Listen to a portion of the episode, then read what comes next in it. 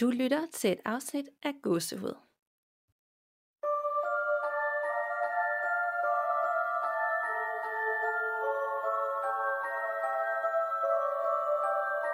Hej Nana, Hej Danika. og velkommen derude til episode 73, et rent lytterberetningsafsnit. Yes. Og en lille pause for dig. En lille pause for mig. Nu er jeg tilbage efter fire uger, og det føles helt som om, at det er et af de første afsnit, jeg skal lave igen. Jeg er sådan lidt, lidt nervøs, og kan jeg nu huske, hvad det går ud på? Det er ret åndssvagt, men øh, jeg har sådan lidt, men det tænker jeg også kan være meget sundt lige at ruske op i det hele, og så, så mærke den der spænding og nervøsitet, inden man skal optage igen. Ja, det tænker jeg da også. Det, det må være sundt.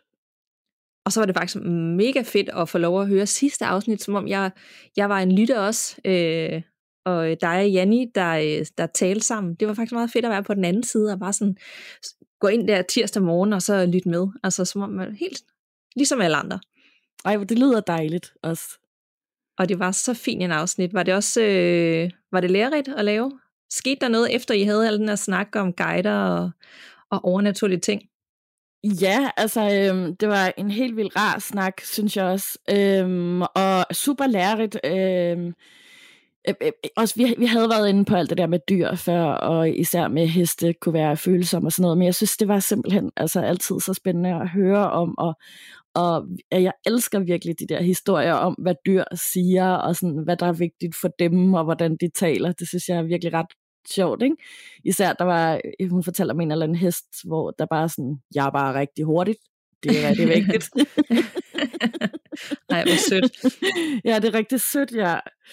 Øhm, og så, øhm, det var helt vildt sjovt det her med, at øh, hun talte om mine guider, og øh, vi snakkede om fire forskellige, hvor at øh, to af dem muligvis kunne have været afdøde, og jeg har sådan, fordi det var connected til min far, og det synes jeg egentlig var virkelig sjovt, mm. at to, to af dem var så connected til min far, hun faktisk var i tvivl om, det var mine guider eller hans guider. Øh, og det er øh, så pudsigt, når jeg, altså for jeg har været rigtig, rigtig, rigtig meget sammen med min far her på det sidste, og rigtig meget hjemme hos ham. Øh, og det vidste jeg ikke, fordi at øh, det har jeg ikke lagt op på nogle sociale medier, jeg har ikke snakket med Janne i rigtig, rigtig, rigtig lang tid, så det var jeg lidt overrasket over, øh, at hun ligesom kunne mærke, at det kunne mærkes. Ja. Øh, og også det her med, at hun fortalte, at den, den ene guide, bare en dame, synes det var super fedt, når jeg ligesom kom og lavede huslige gerninger hjemme hos min far. og det er noget, jeg altid gør. Øh, og det er der heller ikke nogen, der ved. Så det synes jeg også var, var, var sådan virkelig pudsigt. Det var bare spot on i forhold var- til alt.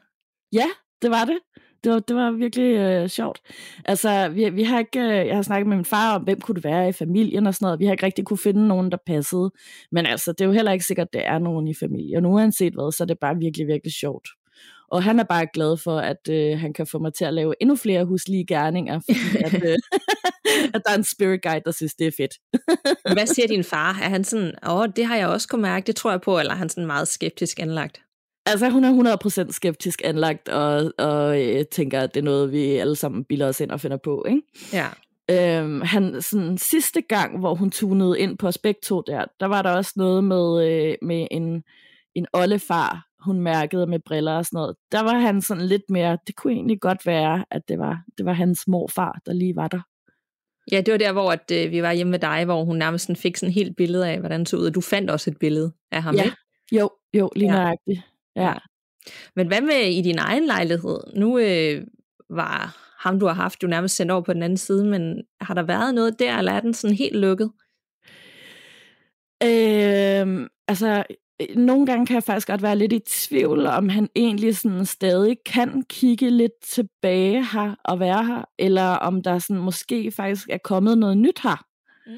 Øhm, og jeg kan ikke rigtig sætte en finger på præcis, hvad det er, men det er bare sådan lidt ligesom, øhm, det ved jeg ikke, stemningen er anderledes, og ja, sådan nogle, der er anderledes lyde.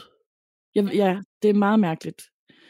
Øhm, og så, det, det ved jeg ikke, der er sket virkelig mange skøre ting bare i løbet af de sidste to uger her, øh, med sådan personer, jeg har mødt, øh, og mærkt, jeg har haft de vildeste, vildeste, vildeste, underlige drømme, du ved, hvor at sådan, også hvor man er halvvågen, man drømmer, og så flyder det helt sammen, og ja. Ej, hvor vildt. Det er, det er da nok ikke tilfældigt. Der er et eller andet i gang. Ja, det føles i hvert fald ret meget sådan. Hvad med dig? Har du... Øh... Øh, altså, jeg, jeg er næsten helt øh, misundelig på alt det, du har oplevet. Ej, Ej, det er jeg ikke, men du ved, der, der sker ikke det. Men mit fokus har måske også været et andet sted. Øhm, jeg har sovet rigtig dårligt og strømt mere, end jeg plejer, men ikke, ikke på sådan en, nu får jeg besøg fra den anden side. Og så har jeg faktisk øh, prøvet sovepiller for første gang i mit liv. Det har jeg aldrig prøvet før. Øh, nu ved jeg ikke, har du prøvet det? Øh, ja, jeg fik det også en periode, ja. Hold nu op. Øh, er det, jeg sidder og tænker, er det sådan, man faktisk kan sove, hvis man sover godt?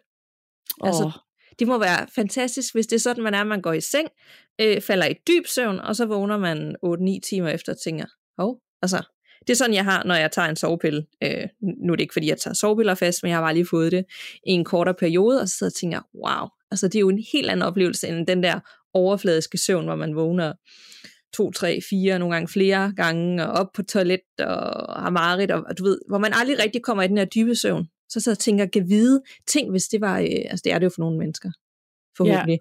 Ja. ja. Altså, det ved jeg ikke, fordi sovepiller er jo heller ikke helt naturligt, så det er jo ikke en god ting at, øh, at få fast. Men jeg blev sådan lidt, wow, det var lige før jeg godt, øh, godt gad, at det var bare min øh, helt normale søvn, uden at man skulle have en pille. Det kan være i hvert fald, at det er værd at prøve i en længere periode også. Jeg ved ikke, om man sådan med dem kan vende kroppen til at at sove bedre eller noget. Fordi det er jo, det er jo sådan, som du har sovet med de sovepiller. Det er jo sådan, man, man sover normalt. Ja. Det virker ikke, bare sådan. ikke, at man også sagtens kan have dårlig søvn og sådan noget ret ofte, men, men det er sådan, det er meningen, det skal ja. være. Det vil også være Men det er nok også bare, jeg har jo taget sådan en masse, du ved, melatonin og sådan nogle naturlige øh, søvnhormoner, der ligesom skulle hjælpe mig, og det har også gjort mig træt, men det har alligevel ikke kunne gå ind og gøre sådan, og nu er du bare i dyb søvn hele natten på samme måde. Øh, men jeg kan også nu være inde og søge på det, og tænke, jeg kan vide, om der egentlig er nogen, der sådan permanent er på sovepiller, men jeg kan godt se, at alle læger og sådan noget, de anbefaler, og det er ikke noget, du skal være på permanent, fordi det er ikke naturligt for kroppen, og det kan faktisk, hvis du så stopper, så kan du fuldstændig fuck din søvn op endnu mere end der, og det kan heller ikke no. overskue, at man sådan nærmest skal, skal sove endnu dårligere, men øh, jeg, jeg blev bare sådan lidt, wow, første gang. Det er godt nok vildt, altså. Ja, der er ja, nok okay. grund til, at, øh, at det er på recept, at det ikke lige noget, man køber øh, nede på apoteket sådan i, øh, til hverdagsbehov. Ja, det lyder sådan bestemt. Ja. ja. Men ellers øh, er der ikke øh, sket noget uhyggeligt. Jeg føler, jeg er et sted nu, hvor jeg har brug for, at vi, vi skal ud og opsøge noget uhyggeligt. Vi skal ud og, øh, ikke overnat, men ved, besøge et eller andet sådan efter sine hjemsøgt sted, må gerne være lidt mørkt. Vi skal sådan, altså det kan jeg mærke, det er lidt ligesom vi havde med Lille Mølle. Vi har jo ikke haft så meget af det, og vi sidder to forskellige steder. Jeg har brug for, at jeg skal ud og have, jeg skal opleve noget, jeg skal se et eller andet. Altså. Jeg er frisk. Det ja. synes jeg bare, vi skal gøre. Lad os finde et sted, og så tage, tage på jagt, ja.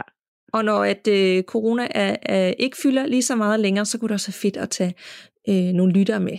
Altså, jeg ja. siger ikke, at vi skal være 50, men man kunne godt tage sådan fem øh, afsted et eller andet sted hen. Helt klart. Den, jeg er så meget med på den. Ja, det gør vi. Det, det arrangerer vi. Og så skal vi altså snart have en, en, en live igen. Det har vi lovet lytterne, og øh, det kan vi jo godt, fordi at man laver ikke så meget andet. Så ja. det er jo bare at arrangere en dag, og så går vi live på Facebook og læser lytterberetninger op, ligesom vi gjorde sidste år et par gange. Det var mega hyggeligt. Yes, det, det lover vi at gøre rigtig, rigtig, rigtig snart. Ja. Øhm, og øh, inden vi går i gang med dagens lytopretninger, så øh, er der lige en lille sponsorpause og reklame for Hello Fresh. Fordi vi har nemlig begge to fået Hello Fresh siden januar, øh, og været rigtig begejstrede for det, og så har vi også valgt at fortsætte samarbejdet hen over foråret. Og vi kan også forstå på mange af jer, der lytter med derude, at I er blevet rigtig glade for det. Og hvis du endnu har til gode at prøve Hello Fresh, så får du op til 550 kroner rabat på dine første fire kasser. Du skal blot indtaste koden FRESHGH og det med store bogstaver, F-R-E-S-H-G-H, ved betaling, og så leverer de til dørtrinet til hele landet. Og lige til jer, der ikke har hørt det før, så er HelloFresh en fleksibel måltidskasseløsning, hvor man selv vælger, hvor mange dage man ønsker måltider til, og hvor mange mennesker, der skal spise med. Og øh, det jeg især har været fan af, det er, at man helt selv bestemmer retterne her, så hvis der er noget, man nu ikke kan lide, så skifter man bare de enkelte ud med andre retter, så man altid får måltider, man ved, man vil elske. Og hver uge er der hele 15 retter at vælge mellem, så der er noget for alle. Det kan være vegetar, det kan være de børnevenlige retter, kalorielette, de klassiske, og nu altså også premium retter. Og øhm, herhjemme, så er det primært mig, der står for det, og, øh, fordi jeg har simpelthen den her smart app på min telefon, så det tager mig kun to minutter nu at vælge de her retter til den kommende uge. Og jeg ved, hvad vi kan lide herhjemme, og så er det bare 10.000 gange nemmere, at, øh, at jeg kan styre det via appen end computeren. Og øh, hvad med dig, Nana? Hvad, øh, har du spist godt på det seneste? Ja, altså virkelig, virkelig godt. Jeg synes simpelthen, det er så genialt. Øhm, og øh, jeg elsker også bare den der app. Det er så dejligt nemt og øh, super fleksibel også. Og, og nemt også, hvis man lige skal en uge i sommerhus, så kan man bare gå ind og ændre adressen til næste uge, og så får man den sendt derop. Øh, og man kan selvfølgelig også bare springe en kasse over, hvis man skal ud og rejse, eller man af en eller anden grund ikke lige vil have den i næste uge. Mm. Øh, og altså min nye livret, den er simpelthen fra HelloFresh. Det er den her, øh, jeg kan faktisk ikke huske, hvad den hedder, men det er øh, en øh, citron- og dildmarineret øh, laks oh, med yeah. sesamkartofler. Ej, hvor smager det bare sindssygt godt. Ja, den er god. ja, den, den skal jeg have hver gang. Ja. Vi, er også, vi er også i sådan en, øh, måske mere grøn periode nu, så øh, jeg er sådan ligesom, det kommer tit med foråret, så jeg går tit efter, eller vi går tit herhjemme efter de orientalske og meksikanske retter, mm. så smager vidunderligt. Dem har de heldigvis rigtig mange af, og der, det er bare sådan, det er god mad, men det er også bare så frisk. Øh, på en eller anden måde. Og så har vi faktisk også for første gang bestilt en af de her premium retter, for ligesom at forkæle os selv lidt ekstra op til weekenden. Yeah. Og der har vi valgt øh, strip loin steak med flødesovs og salvistegt græsker. Og jeg føler faktisk helt, at jeg skal på restaurant, når jeg får sådan en måltid. Ja, salvistegt græsker, det lyder virkelig lækkert. Helt vildt. Så det glæder vi os helt vildt til at prøve. Yes. Og hvis du gerne vil støtte os og det arbejde, vi lægger i godset, så kan du benytte koden FRESH GH for at få op til 550 kroner rabat på dine første fire kasser, hvis du endnu ikke har prøvet HelloFresh. Og god fornøjelse. Er du klar til lytterberetninger? Jeg glæder mig så meget. Skal jeg lægge ud? Ja, tak. Jeg har en beretning her fra Sigrid. Og den, øh, jeg, første gang jeg læste den, så begyndte jeg næsten faktisk at græde lidt. Det var faktisk meget rørende, så du skal glæde dig. Åh, oh, fedt. Hej med jer. Tak for jeres podcast. Jeg faldt over den for nogle dage siden, og jeg er virkelig hugt. Dagens gørmål bliver virkelig spændende, når det er med spøgelseshistorie i øerne. Dette er historie fra Færøerne, hvor jeg også bor. Min far og mor var for nylig død. Det var en stormfuld og mørk efterårsmorgen. Vi var på vej i skole, da telefonen ringede. Og når nogen ringede så tidligt om morgenen, så plejede det ikke at være noget godt. Min mor svarede telefonen, og i den anden ende var min farmors niese. Hun og min farmor havde været næsten som søstre. Min farmor hun var den næst yngste i en stor søskende flok, og hendes næse var den ældste i den næste generation. Denne kvinde, lad os kalde hende Petra, hun sagde, at hun havde drømt om min farmor, og nævnte min farmors kælenavn. Vi siger bare, at det kælenavn var Ella. Hun fortalte, at hun havde drømt, at Ella havde rejst sig fra graven og havde gået mod sit hjem, og derefter ind gennem døren. Min farmor boede cirka 5-10 minutters gåafstand fra kirkegården. Det var som sagt en stormfuld efterårsmorgen, og Petra sagde, at hun havde på fornemmelsen, at Ella ville fortælle os, at alt ikke var i orden ved hendes grav. Om eftermiddagen gik min mor så på kirkegården for at se til graven, og alt var ikke i orden. Et plastikstykke, som skulle dække hele graven og ligge under det grus, som var til pynt, var blevet revet løs i stormen og blafrede i vinden. Det blev derfor lagt godt på plads igen. Den her hændelse skete en måned før min farmors død. Hun var meget syg, og sen en aften sagde hun til min mor og den hjemmesygeplejerske, som var der for at hjælpe hende. Ja, nu døde hun. Det var synd, for hun var så ung og så smuk. Min mor og hjemmesygeplejersken spurgte, hvem døde, men min farmor kunne ikke huske navnet, men blev med at sige, at hun var så smuk. Min farmor tog ret meget smertestillende medicin, så de tænkte, at hun bare var sløret. Dette var en lørdag aften. Næste morgen gik min mor og jeg i kirke, og efter gudstjenesten kom en dame hen til os og sagde, ja, nu døde hun. Det var synd. Hun var så ung og så smuk. Nu blev min mor helt paft og spurgte, hvem døde? Damen svarede, prinsesse Diana, har du ikke hørt det? Hun døde i en trafikulykke i nat. Det, som er endnu mere underligt, var, at prinsesse Diana endnu ikke var død, da min farmor fortalte dette. Bilen med Diana kørte galt 23.23 færøsk tid, og hun døde cirka 4-5 timer efter. Tidlig næste morgen kom en pressemeddelelse om hendes død. Min farmor var min absolute yndlingsperson i hele verden. Hun var en rigtig bedstemorsagtig bedstemor. Gråt, krøllet hår, tyk og altid i bedstemorkjoler. Hun bagte altid småkager eller pandekager til os børn, mens vi lå på bænken i køkkenet og læste tegneserier. Og så fortalte hun historier. Ofte historier om hendes barndom. Jeg var sammen med min farmor næsten hver dag, men desværre døde hun nogle få dage efter min 9 års fødselsdag. Hendes hus beholdte vi, men det blev udlejet i korte perioder af gangen. Og imellem hver lejer plejede min mor og jeg at vaske huset. Da jeg var 19 år, drømte jeg en underlig og meget virkelighedstro drøm. Jeg og min mor vaskede min bedstemors hus, før en ny lejer skulle ind. Vi var i hvert vores værelse for enden af gangen, og det var kun os to. Men så hørte jeg pludselig stemmer, og de kom inden for stuen og køkkenet. Min mor går så ind i køkkenet i drømmen. Jeg bliver nysgerrig, og lidt efter går jeg også i køkkenet for at se, hvem der er der. Der står min mor og laver kaffe, og inde i stuen sidder mange gamle koner. De er alle sammen i 80'erne og 90'erne, og bordet er dækket op, som om der er fødselsdag. De gamle damer kigger på mig og smiler, og på sofaen sidder min farmor. Hun er 10 år ældre, end da jeg sidst så hende. Nogle af de andre koner har jeg set før, og nogle ser jeg for første gang. Men jeg ved med det samme, at de er min farmors søstre. De ser alle ud som den alder, de ville have været, hvis de endnu var i live. Min farmor beder mig om at komme hen til sig, og jeg sætter mig ved siden af hende på sofaen. Hun holder om mig, ligesom hun plejede at gøre, da jeg var lille, og det var så dejligt. Vi snakkede sammen, og hun spurgte om, hvordan det var gået mig de sidste 10 år. Hun spurgte, hvad min brødre lavede, om jeg havde fået mig en kæreste. Derefter præsenterede hun mig stolt for alle sine søstre, og jeg fik mulighed for at hilse for alle mine gamle tanter, også dem, som var døde længe før jeg blev født. Denne drøm varede alt for kort, fordi jeg blev vækket af min mobil. Men gud, hvor var det dejligt at møde min farmor endnu en gang, få et knus og sidde på sofaen og snakke med hende igen, ligesom da jeg var barn. Jeg bliver helt varm indeni, når jeg tænker på den drøm. Jeg tror egentlig ikke, at det kun var en drøm, men jeg tror derimod på, at min farmor har taget kontakt til mig for at møde mig som voksen. Venlig hilsen, Sigrid. Er det ikke bare en hjertevarm beretning på en eller anden måde? Det var helt vildt fint og rørende. Altså, hold nu op, hvor kom jeg også bare til at savne min egen farmor helt vildt meget.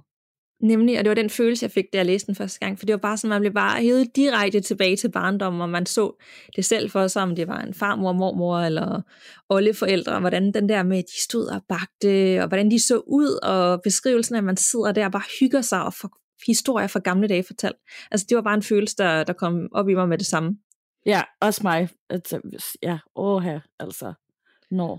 Ja, helt vildt, og det lyder virkelig som en fantastisk farmor, og, og jeg tror også på, at vores kære kan besøge os i drømmene, øh, selvom der er gået mange år siden, og det må virkelig være en fantastisk oplevelse at få lov at se personen de år ældre, som om at de hele tiden har været, og endda møde øh, resten af familien, man måske aldrig har mødt før.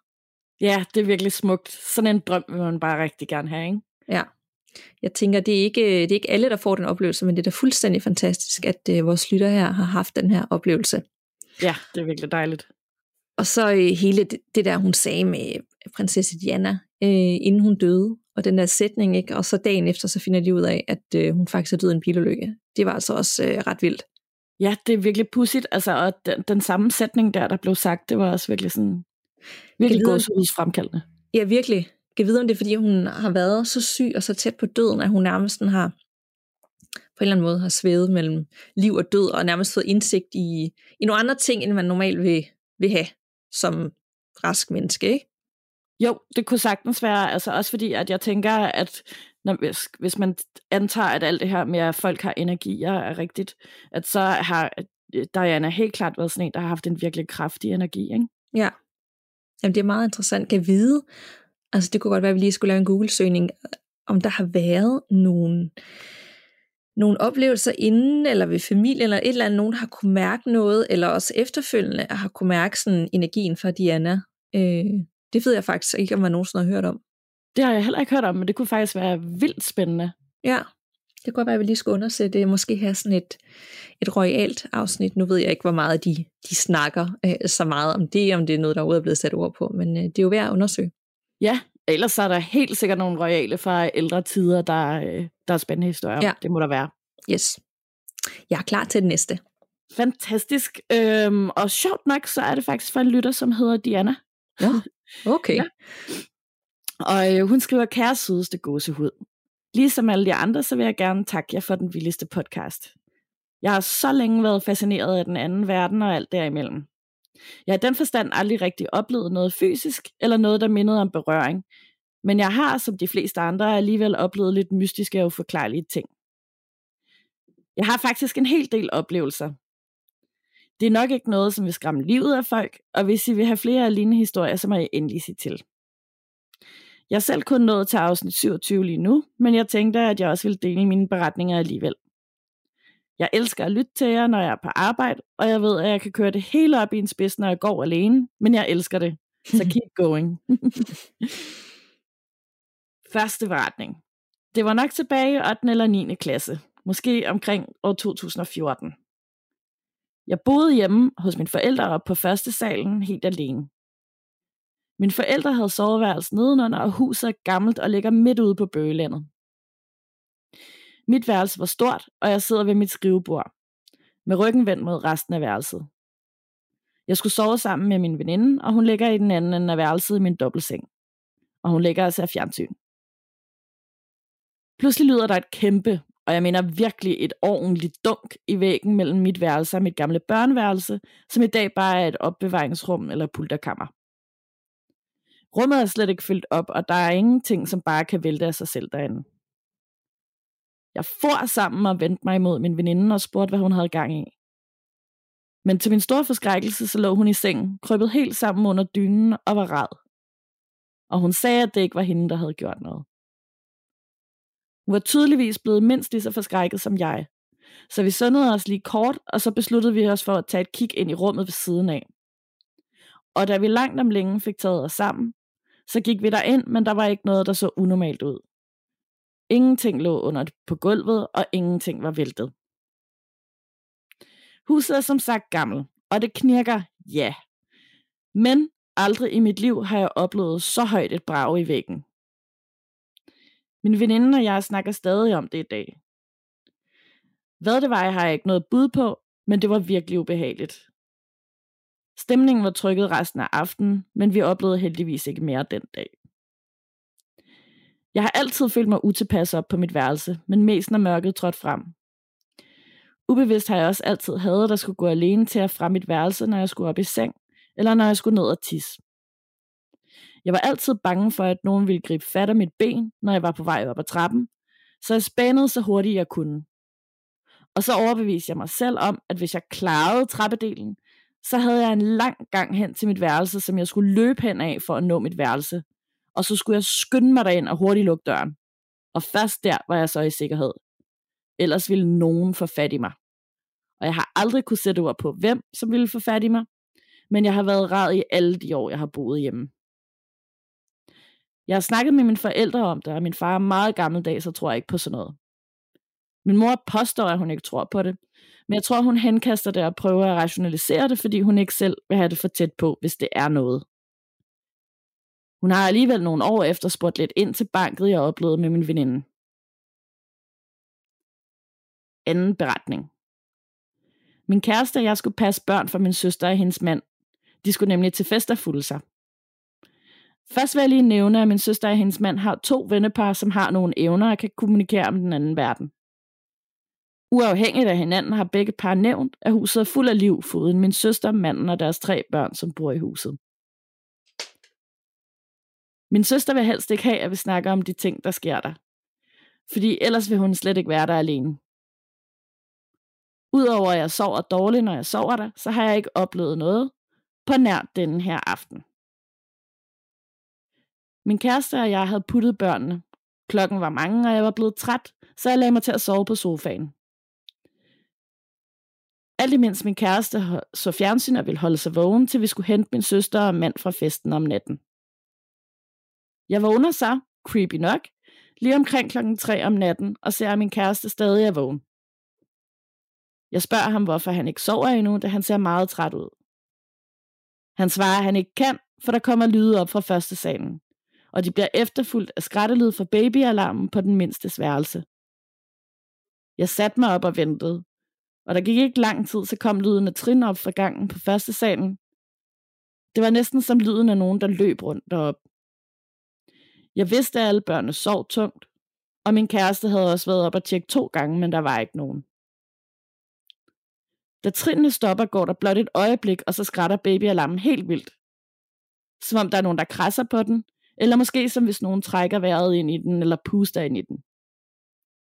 Jeg tænkte, at den mindste måske bare havde fået fat i den, men da vi begge gik op og kiggede, så ligger babyalarmen så langt under trammesengen, at hun på ingen måde ville kunne nå den, med sine små korte arme.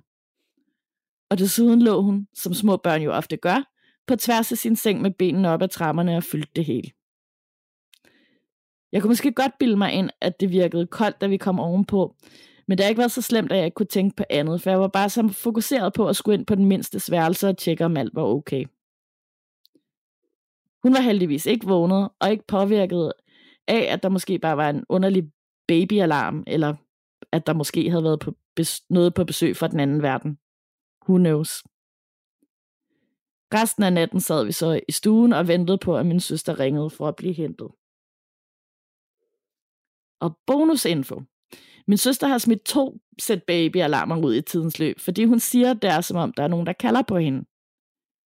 Hun havde svært ved at forklare, hvordan, men det var ligesom en skratten og så en svag lille lys stemme, som forsigtigt kaldte, Hallo, flere gange. Så hun slukkede den og smed begge sæt ud. Og siden ville hun hellere løbe en ekstra gang ud og kigge for, om barnet var vågen, end at bruge en babylarm. Så det var to af mine beretninger. De var lidt lange, sorry. Men igen, tak for jer og jeres tid. Jeg er fastlytter, og jeg elsker det. Hilsen fra Diana. Tak for den. Er din, var det en røgalarm? Hæ? Kunne du, var der sådan en røgalarm i baggrunden, eller var der ikke noget hos dig? Sådan en biblyd? Nej. Ej, hvor mærkeligt. Det kom lige da du var ved at slutte, så ville jeg bare sådan bip, bip, bip, bip, som der gik sådan en uh, røgalarm. Nå, nej, hvor stenet. Nej. Nej, kan vide, om øh, lytterne kan høre det, eller det er bare inde i mit hoved. At der er sådan en ringende lyd. det finder det vi ud af. Ikke, ja. ja. Nej, okay. Jamen, jeg kunne bare høre det flere gange under, og så lige det sidste sådan bip, bip, bip, lige der var ved at slutte. Tænker, nu, øh, nu skal du ud af lejligheden. Nej, ja, det var mærkeligt. Nej, okay, godt. Øh, ja. Meget klassisk det der med, øh, de skal passe børnene, sådan et øh, klassisk gyserfilm, og så sker der noget, mens øh, de er væk, og øh, børnene sover, men de hører noget ovenpå, og der er nogle skridt, der er babyalarmer. Altså det er sådan lidt klassisk gyserfortælling, man har gang i. Ja, det er det helt sikkert, og, og virkelig også bare sådan totalt marerids fremkaldende, det der med de der babyalarmer, der lige pludselig siger noget, de ikke skal sige, ikke? Ja. Øh. Jeg er virkelig glad for nu, at vores øh, babyalarm, den har ikke haft lyd, fordi at, øh, vi tabte den på tidspunkt, jeg tror ikke, den har haft lyd i de sidste to år, så vi, kan, vi kunne kun se noget, men vi kan ikke høre noget. Nej. Øh, og det er jeg faktisk glad for, fordi jeg kunne slet ikke overskue, hvis der skulle komme sådan midt om natten, sådan et, hallo. Altså. Nej, for, for satan. ja, så det, det kan faktisk være en god ting at, øh, at gå en ekstra gang, eller ikke have lyd på. Ja, helt klart. det vil jeg også foretrække. Spørgsmålet om hun skal passe øh, børnene en anden gang med de oplevelser, og gav vide om, øh, om hendes søster også, altså nu har hun haft det med lyden, men hun også har, har hørt de der trinne og bare haft nogle, en masse uforklarlige hændelser. Ja, det gør man godt at, at vide, ikke? Det er, lidt, det er lidt træls, at hun ikke rigtig vil snakke om det. Ja, det kan være, ja. at hun lige må hive fat i hende igen og sige, hey, altså, vil du ikke lige, har der været ja. mere? Men det er jo klart nok, hvis, hvis der er noget, hun synes er ubehageligt, og hun ikke vil tale om det, at så er det ja. nemmere at lade være. Altså, det forstår jeg egentlig godt. Det forstår jeg også godt, og det skal man altid huske også at respektere. Det skal man. Er du klar til en til? Det kan du tro. Øh, det er fra en anonym, og øh, det handler faktisk om noget, vi har talt om før, nemlig Brændinggård Efterskole. Ej, fedt. Ja. Fedt, fedt. Hej gåsehud. Tusind mange tak for uhyggelige beretninger og god underholdning til gåturen. Jeg har et par beretninger, som jeg dog ikke selv har oplevet, men fået fortalt, da jeg har været efterskolelærer på Brændinggård Efterskole, som I har fortalt om før her i podcasten. Min første fortælling er min søsters oplevelse på efterskolen. Min søster begyndte som elev i sommeren 2016, og havde sammen med resten af elevflokken netop fået fortalt historien om den blå dame. Den fortælling om en ung pige, som først drukner sin nyfødte, og bagefter hænger sig selv i borgens daværende tårn, heraf navnet Den Blå Dames Loft. I en weekend havde min søster og et par af hendes veninder besluttet sig for at gemme sig op i skolens tekstilrum. Efter sine skulle den blå dame kigge sig i det gamle spejl, som altid har hængt på væggen inde i tekstilrummet. Rummet er på øverste etage på borgen, og den blå dames vandren mod den blå dames sø går direkte igennem tekstil. Den blå dame vandrer nemlig fra den blå dames loft, ned igennem kostymerummet, gennem en elevgang, hvor der også er blodpletter på gulvet, som ikke kan vaskes af, for jeg har selv siddet og skrubbet utallige gange sammen med elever, men forgæves. Ej, hvor creepy. Videre igennem en anden elevgang kaldet Kvist, hvor hun så går igennem en port mod søen og angre. Nå, men min søster og hendes veninder går op mod tekstilrummet omkring kvart i 12. Pigerne har gejlet hinanden lidt op, og mens de gemmer sig under et bord i mørket, driller de hinanden indtil klokken bliver sikkert lige omkring lidt i 12. Min søster starter en video omkring 5 minutter i 12, hvor man i begyndelsen bare hører pigernes fnisen. De begynder så at tyse på hinanden for at være opmærksom på det, der nu skal ske. Min søsters video ruller stadig. Pludselig ser en af dem, at de skal sidde helt stille, og med et kommer der en høj lyd og knirken, og derefter løber pigerne skrigende ud af rummet. Min søster stopper i panik videoen og ser den ikke før dagen efter. Hun kommer hjem ugen efter og fortæller med stor begejstring om hendes oplevelse. Jeg er en smule skeptisk, for jeg har aldrig selv oplevet noget, men jeg ser dog alligevel videoen, da det lyder lidt spændende. Videoen viser pigerne, som hygger og driller hinanden. Man hører den ene pige sige, stop, sid helt stille, samt den høje lyd. Da tiden i videoen passer med, at klokken rammer midnat, bliver skærmen helt hvid, og der er intet at se ud over hvid skærm. Videoen kører stadig, og man kan høre den knitrende lyd, som man kender fra de gamle kasse-TV'er, når der ingen forbindelse var. Efter et par minutter med knitren og hvid skærm kommer billedet tilbage igen, og man ser min søster og hendes veninder løbe og skrige i mørket. Min søster husker ikke, at hun har set noget, men hun undrer sig meget over videoens mærkelige udfald. Hvorfor videoen går i vid og ikke optager et par minutter efter midnat er mig en gåde. Men jeg mindes at have hørt noget om, at der kan ske elektriske forstyrrelser, når ånder er i nærheden.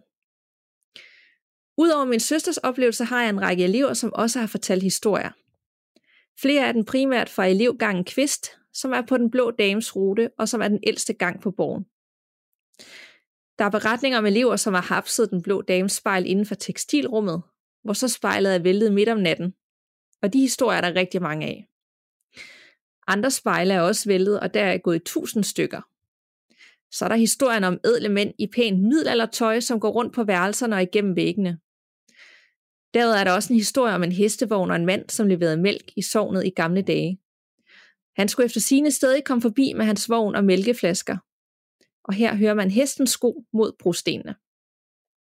Og så er der selvfølgelig også historien om den ligevæske, som render ned ad væggen inde i det gamle bibliotek. Her har jeg også selv skrubbet, men væsken på væggen kommer altid tilbage. Mens jeg var lærer på skolen, havde jeg mange aften- og nattevagter, som altid var mega fede, grineren og fantastiske sammen med skønne elever og gode kolleger. Men det skal også siges, at det altid var en smule uhyggeligt grundet borgens gamle historie. Når det så er sagt, så er skolen det allersmukkeste sted, og jeg har vedhæftet link, så I kan se skolens smukke, smukke borg. Igen tak for en fed podcast. Mange hilsner anonym.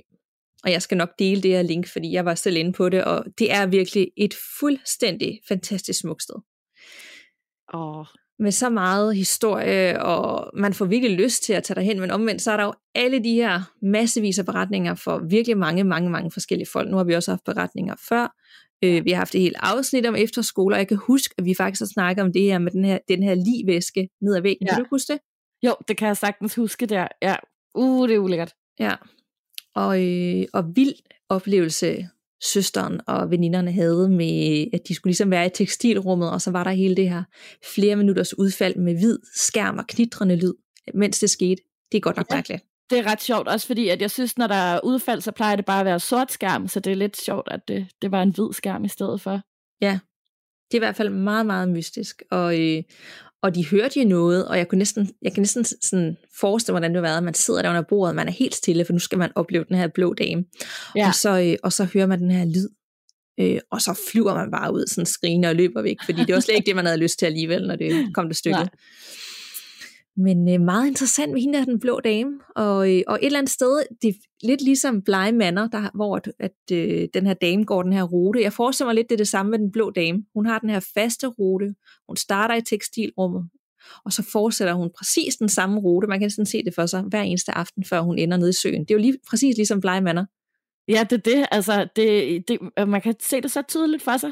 Og jeg kan også godt lide, at der er så mange forskellige sådan, personligheder også, der er der. Ligesom ham der, øh, mælkemanden, der kommer med hestevognen. Jeg kunne sådan ligesom også høre de der hove på brudstenene, sådan klok, klok, klok, mm. klok. Ikke? Ja. Jamen, det må virkelig have været en vild oplevelse at have gået på efterskole her og været en del af. Og man har oplevet noget eller ej, så har der jo ligesom været uhyggen, og man har 100% fået fortalt alle de her historier nærmest på første dag. Ja, helt sikkert. Så det er så fedt. Det var vildt, vildt fedt at høre det fra en, der har arbejdet der og også har oplevet nogle af alle de der ting der. Nemlig.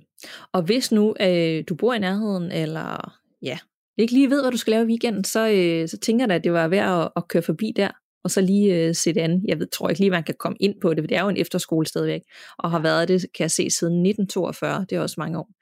Ja. Øhm, og selve bygningen er jo for middelalderen. Den er bygget i 1500 et eller andet. Men bare det at få lov at opleve det live, altså det gad jeg virkelig godt. Helt sikkert, det gad jeg også godt. Jeg mener også, at, øh, at er der nogen drenge, har været der Ja, det har de. Jeg kan huske, jeg så at øh, et afsnit, hvor de var derude også, og også kiggede på noget af det her med noget ligevæske og sådan noget. Det gad jeg altså også godt. Nå, er det altså, altså et af de afsnit, hvor de har filmet, eller selve podcasten? Øh, I noget af det, hvor de har filmet. Okay, Nå, men det skal jeg lige finde. Yes. Spændende. Og øh, hvis du derude lytter, der lytter med, har en beretning, som du gerne vil have, vi læser op, så send endelig på gåsehudpodcast.gmail.com, og det er gåsehud med to A'er. Og husk endelig også at give gåsehud fem stjerner, og eventuelt en anmeldelse ind i din podcast-app. Det er lang tid siden, vi har sagt det, men det er en kæmpe hjælp for os, øh, når I gør det. Og selvom du ikke gider at skrive noget, du bare vil give en bunke stjerner, fordi så er det faktisk med til, at vi ligesom bevæger os op ad listen, jo mere aktiv folk er. Så det tager to sekunder, men gør os enormt glad. Så hvis du har lyst, så vil vi værdsætte det rigtig meget. Ja, tusind tak for jeres hjælp. Tak. Yes. Er du klar til en mere? Yes. Fedt. Øh, det er Rikke, som skriver, Hej, jeg er under corona begyndt at høre jeres podcast, og jeg er endelig kommet helt med. Og jeg skal lige advare om, det er en rigtig lang historie, men den er også virkelig spændende. Men jeg har været nødt til at holde en del pauser i lytningen, da jeg begyndte at opleve, at flere lamper sprang i det sekund, jeg slukkede for gåsehud. Og derfor er jeg nu begyndt, ja, derfor er jeg nu begyndt kun at høre jer, når jeg er ude at cykle i dagslys, hvilket har betydet, at det har taget lidt ekstra tid at komme igennem det hele, men det har jo så også betydet, at jeg har fået en masse ekstra ture. Jeg kan rigtig godt lide at sætte op med både lytterberetninger, der skræmmer mig helt vildt, og emner, hvor jeg kan lære mere om diverse ting. Jeg er selv rigtig interesseret i det overnaturlige, jeg har altid været det, selvom jeg aldrig selv mente, at jeg havde oplevet noget konkret. Men efter jeg begyndte at lytte til jer, så er jeg kommet på rigtig mange ting, som jeg alligevel ikke helt kan forklare. Og derfor skriver jeg nu, for at høre, hvad I tænker om alle disse ting. Det er meget forskelligt, og der er mange små historier, og selvom I siger, at I ikke redigerer i lytterberetningerne, så er det også helt okay, hvis I mener, at der er noget, der ikke har nogen relevans. Jeg kan selv finde på logiske forklaringer på det meste, men imens jeg lyttede til jer, er det alligevel som om, der er noget, der ikke helt stemmer i nogle af historierne. Jeg er overbevist om, at der er mere mellem himmel og jord. Men hvad det er, det ved jeg ikke. Men det skulle da være underligt, når forskerne stadig finder en masse nye dyrearter hele tiden, at de ikke på et eller andet tidspunkt også finder noget andet. Om det så er spøgelser, aliens eller nisser, det må tiden jo vise. Og det synes jeg faktisk var en super interessant øh, tanke, og sådan havde jeg aldrig tænkt over det før. Men det er jo rigtigt, vi bliver jo ved med at finde alle mulige mm. nye ting, der eksisterer også omkring universet og sådan noget. Så sådan, hvor før i tiden folk tænkte sådan, gud, hvor er du skør, fordi du, du tror på rumvæsener og spøgelser og sådan noget. Så er jeg faktisk næsten begyndt at tænke, at folk, der bare afviser det blankt, er lidt skøre. Nemlig, jeg er helt enig. Også bare det, man kan måle energi og så videre. Øh, så det, det, det er også indlysende for mig. Ja, præcis. Yes. Nå, men lidt om mig. Jeg har en meget livlig fantasi, og jeg kan komme på de mest vilde idéer, hvis jeg lader hjernen køre af sig selv. Men samtidig så er jeg også meget logisk anrettet, og derfor kan jeg forklare det meste af det, jeg har oplevet. Men de her oplevelser sidder på trods stadig i mig. Min familie er meget nede på jorden, og på trods af mange spøgelseshistorier blandt vennerne i barndommen, oplevede jeg ingenting selv. Selv på efterskolen, hvor der som de alle andre steder, hvor mange unge er samlet på et sted, er alle mulige spøgelseshistorier. Der var blandt andet også en hustelefon, som blev ved med at ringe, når den hang på væggen. Og alle de andre piger i huset var bange og sad og skreg inde i stuen. Men jeg gættede selv på, at det bare var en løs forbindelse, og jeg kunne grinende tage telefonen og ringe efter en lærer. Det skræmte mig slet ikke. Når jeg i barndommen talte med min mor om overnaturlige ting, har hun altid fortalt den samme historie om min ven af familien, der er ungkarl og bor på sit barndomshjem, hvor hans mor også boede frem til sin død. I det hus, der spørger moren, og hun driller for eksempel ved at flytte skraldekniven, og det er ikke kun ungkarlen, der har oplevet det, men også hans rengøringshjælp. Og først en historie om min mor. Hun har flere gange fortalt, at hun de seneste år er begyndt at opleve nogle specielle drømme. En gang havde hun mistet nogle meget vigtige papirer, og hun ledte hele huset igennem mange gange, og var meget nervøs og stresset over, at de kunne være blevet smidt ud. Men lige da hun havde opgivet at finde dem, så drømmer hun, at de ligger i en bestemt kasse. Og da hun vågner, tjekker hun det med det samme, og ganske rigtigt, der var de i den kasse, som hun ellers havde tjekket rigtig mange gange. En anden gang var det noget køkkenudstyr, som hun manglede. Og der drømte hun, at de lå i et, i et andet skab, end det de plejede at ligge i. Og ganske rigtigt, så fandt hun dem i det skab, de aldrig havde været i før. På et tidspunkt ledte min lille søster efter bolig og var begyndt at blive lidt presset for at finde noget. En morgen, da min mor vågner, er hun sikker på, at det hele nok skal gå, og at min lille søster snart finder noget. Samme dag bliver hun tilbudt drømmeboligen. Min mor oplevede også noget lignende en gang, da jeg søgte arbejde, mens jeg boede hjemme. Jeg var til en masse samtaler, men ingen held. En dag bliver så tilbudt to forskellige samtaler samme dag, og jeg vælger så at tage den, der ligger tættest på, hvor jeg bor. Jeg fik ikke stillingen, men da jeg fire måneder senere endelig får et arbejde, fortæller min mor, at da jeg blev tilbudt de to samtaler, så var hun overbevist om, at jeg ville få en stilling, og at der nu kom styr på alt. Det havde så dog været den samtale, jeg takkede nej til, og hun ville ikke fortælle mig om sin mavefornemmelse, da det skulle have været min egen beslutning. Og derfor får jeg jo nok aldrig rigtig at vide, om hendes mavefornemmelse endnu engang havde passet. Lige til info, så bor mine forældre på en gård, der blev bygget af mine bedsteforældre, lige efter min far blev født. Vi har aldrig haft spøgelser, og jeg kender hele huset og grundens historie, men jeg oplever, at jeg ofte får kuldegysninger, når jeg når øverste trappetrin, og det er også noget, jeg har oplevet på andre trapper, og jeg får ellers kun kuldegysninger, når der står en fysisk person bag mig, eller der er nogen, der rører ved mit hår. Derudover skal min forældres hund være inde hver nat, den kan ellers godt lide at sove ude i stallen. For ellers så løber den rundt om gården hele natten og gør. Og det er på trods af, at den aldrig, som I aldrig gør, kun om natten. Jeg tror, at den beskytter os mod noget ude for skroven. Måske er det en ulv. Er den indenfor, så siger den nemlig ikke en død. Jeg er overvist om, at dyr kan fornemme en masse ting, som vi mennesker ikke kan. Min mor har fortalt mig om en dag, hun var ude i stallen med alle køerne. Der er altid mange lyde i den stald, og der er ligesom bare aldrig stille. Men den dag bliver der pludselig helt stille, og alle køerne stopper op, og så bliver stallen lige så stille fyldt med svaler. Det var årets første svaler, og det er lidt vildt, at køerne vidste, eller de kunne høre, at de kom, og derfor valgte at holde et minut stillhed, alt imens de flyttede ind. Min mor fortalte, at køerne var stille i cirka et minut, imens svalerne kom, og derefter fortsatte alle lydene, som de plejer. Og det var næsten, i mangel af en bedre beskrivelse, en hellig oplevelse. Og nu til min egne historier. Jeg ser ofte ting ud af øjenkrogen. For det meste er det noget hurtigt og sort, og min første tanke er altid, at det er en mus, og at mine øjne spiller mig et pus. Men der er aldrig noget, når jeg kigger. For jeg kigger altid, for tænk nu, hvis det er noget andet, og det kun er mine øjne, der spiller mig det her pus. Jeg kan dog huske en gang, hvor jeg så lidt mere. Det var en vuggestue, jeg arbejdede i, hvor der var glas mellem to rum på stuen. I det ene rum er der flere børn, der sidder og leger, og lige da jeg går forbi, så ser jeg noget igennem glasset. Det lignede et barn, men ansigtet så helt forkert ud. Det er svært at forklare, men det var lidt ligesom dæmonisk. Da jeg kigger igen, leger alle børnene godt på forskellige pladser, og der var altså ingen børn i det område, jeg havde set noget i.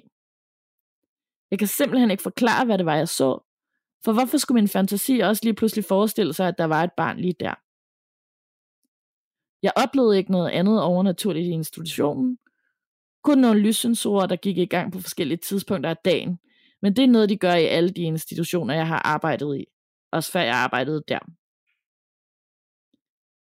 På et tidspunkt, der talte de om déjà vu. Og det oplever jeg en gang imellem, men det er ikke fornemmelsen af, at jeg har oplevet noget før. Når det sker for mig, er det, mest, er det mest bare en tanke om, at jeg ved, hvad der skal ske i løbet af de næste sekunder. For eksempel når jeg tænker, at nu siger min kollega noget bestemt, og så svarer den anden noget andet. Det er lidt ligesom, at jeg ser det som en film, og jeg ved endda, hvilken mimik og hvilket tonefald de forskellige bruger. Forklaringen på déjà vu er jo, at hjernen arbejder i et andet tempo end øjnene, men hvordan kan det så være, at jeg næsten kan forudsige, hvad der er, der vil ske i løbet af de næste sekunder? Jeg har tænkt på, om det er, fordi jeg har oplevet noget lignende, men samtalerne er ofte omkring noget, jeg aldrig har talt om før, og det er samtidig også med nogen, jeg næsten ikke kender. Og derfor har jeg heller ikke kunnet nå at kende dem så godt, at jeg har en forventning om, hvordan de vil svare på noget. Jeg har også talt meget om drømmen, og jeg drømmer meget, og jeg drømmer livligt. Og for det meste kan jeg tyde min drømme selv. En bestemt drøm, jeg havde, havde cirka 30 forskellige elementer fra den virkelige verden, der flød ind i den. Det kunne være noget så småt som en tanke om, at naboen er hjemme, til at hans forældre kører forbi i drømmen. Og i den her drøm, der var der kun ét element, jeg ikke kunne forklare. Der var æsler med i drømmen, og jeg fortæller endda om drømmen til mine forældre om morgenen og nævner de her æsler. Men det er først dagen efter, da jeg bliver vækket af en hanekylling, der galer, og det lød helt forfærdeligt, lidt ligesom et æsel. Så gav det sidste af drømmen pludselig mening. Jeg drømmer også meget livligt, og kan for det meste så kan jeg tegne de rum og gader, jeg har været i, selvom det ikke ligner noget, jeg nogensinde har været i før. For det meste er det også hele historie, og det er lidt ligesom at deltage i en hel film og opleve alt, men ikke at kunne gøre noget ved det, der sker. Jeg kan kun lade mig føre af drømmen og det, der sker i den. Nu vil jeg så fortælle om en helt konkret drøm. Jeg har altid tænkt, at det var noget i min underbevidsthed, men efter at have hørt jeres podcast, er jeg kommet i tvivl om, om det i stedet var min bedstemor, der bare sagde farvel til mig. Min bedstemor var meget syg i de sidste tre måneder, inden hun døde. På det tidspunkt boede jeg i Norge og var i Danmark med min nærmeste familie. Vi taler om, at min bedstemor ikke ville leve særlig meget længere, og jeg står lidt i et dilemma. Skal jeg rejse tilbage til Norge, eller skal jeg blive i Danmark? Men vi vidste jo ikke, hvor længe der ville gå. Så jeg vælger at rejse tilbage, og min bror kører mig ud til lufthavnen. Min bedstemor ligger på det tidspunkt på et plejehjem i nærheden af lufthavnen, og min bror vil ned og besøge hende og sige farvel.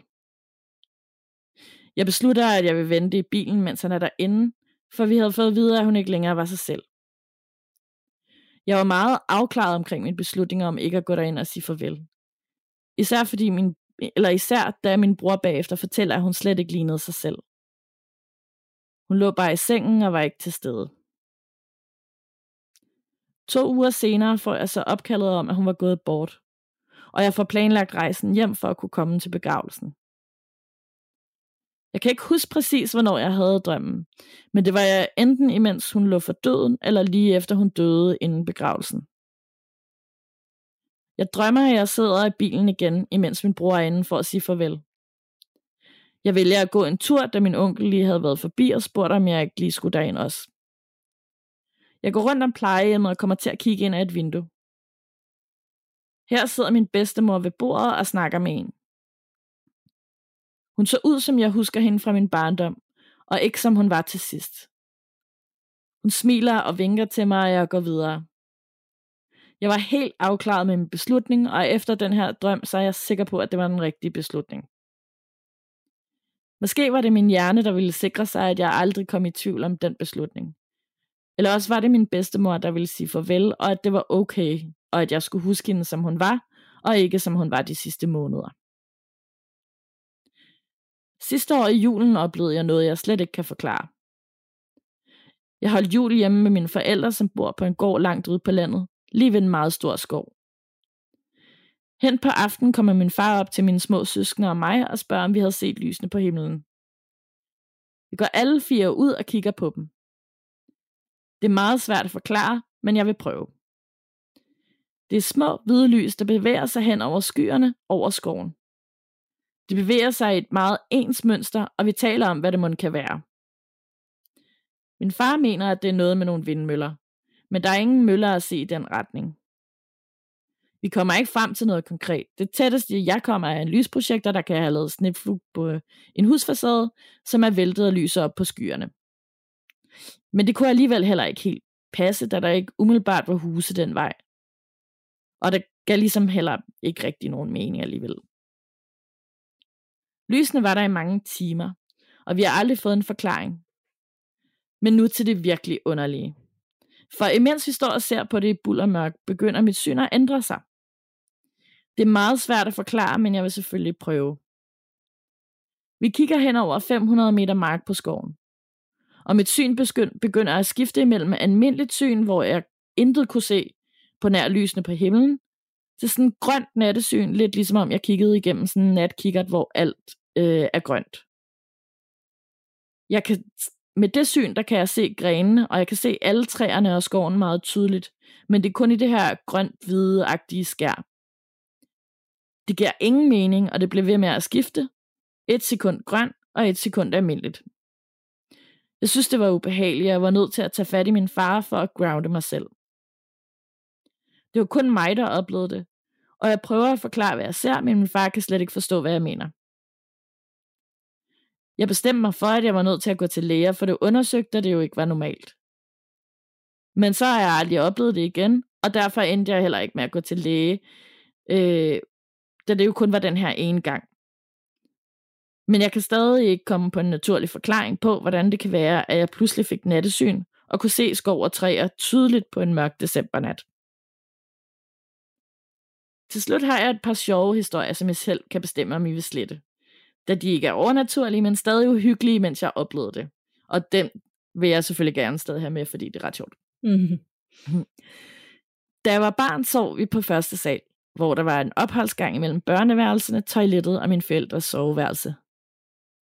Da vi alle sammen nogle gange går i søvne, så er der altid lys tændt på gangen, så vi kan se, hvor vi bevæger os hen. Jeg har oplevet mange små ting, som ikke er overnaturlige på denne gang. Blandt andet blev jeg en nat, jeg skulle på toilettet, skram for vid og sans, da der pludselig lød øh, barnegråd fra dyngen af bamser på sofaen. Men det viser sig så at være min lille søsters dukke, der med stor sandsynlighed var blevet sat i gang af min fodtrin. Men hold da kæft, jeg fik et chok. en anden nat, da jeg skulle i seng meget sent om natten, og alle de andre havde sovet i mange timer, oplever jeg noget, der ligner en lille trold stå ude for min dør, da jeg åbner den.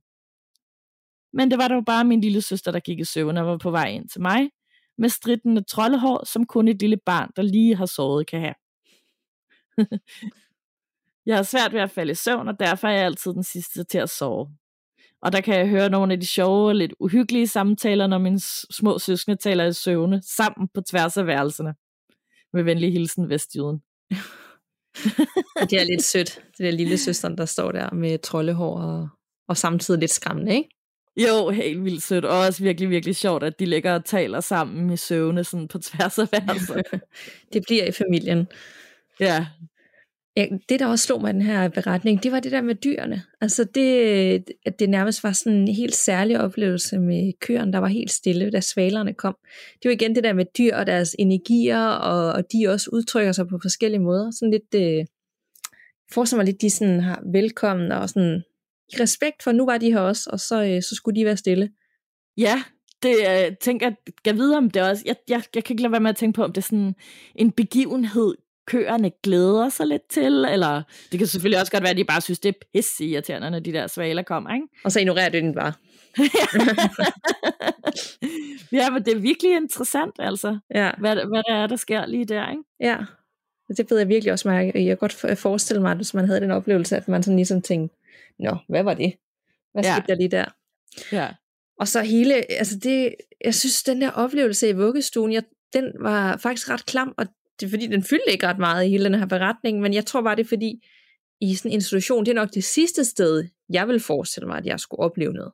Ja. Eller nogen oplevede noget, for jeg tænker, det er jo glade børn, der hygger sig, og de er der kun om dagen, der er jo ikke sket noget, øh, der ligesom kan gøre, at der skulle være noget.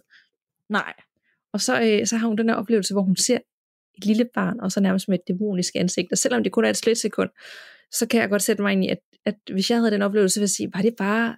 Det er da også mærkeligt, at man lige pludselig skulle se det, og det bare lige var hjernen, der spillede ind i pus. Helt vildt, ja. Jeg, jeg fik også bare sådan en tanke i hovedet om, at tænk hvis nu, altså fordi børn er så følsomme og, og godt kan samle ting op, at det var et barn, der havde et eller andet med sig lige der, som hun lige fik set. Åh oh, nej. Ja, ad, ikke? Det, jo, ej, klamt. Ja. Ej. Men mega fedt, at hun vil dele så meget, og øh, vi redigerer jo ikke noget fra, tænker, og vi vil kun bruge det her. Jeg synes bare, det er fedt, når folk vil fortælle alt muligt forskelligt for andre og sig selv, og både de overnaturlige, men også dem, der bare har været uhyggelige, men ikke nødvendigvis overnaturlige. Det er det også, fordi det kan godt være, at det, det ikke giver mening for os, men altså, så kan det være, at det giver super meget mening for nogen, der sidder og lytter med derude. Og jeg tænkte nemlig også for eksempel med det her med det grønne og hvide nattesyn. Øh, ikke at vi har haft det specifikt i en lytterberetning før, men vi har haft et par lytterberetninger om sådan noget mærkeligt lys på himlen. Ja, det har vi Øhm, faktisk. Det er rigtigt. Så man ved jo aldrig.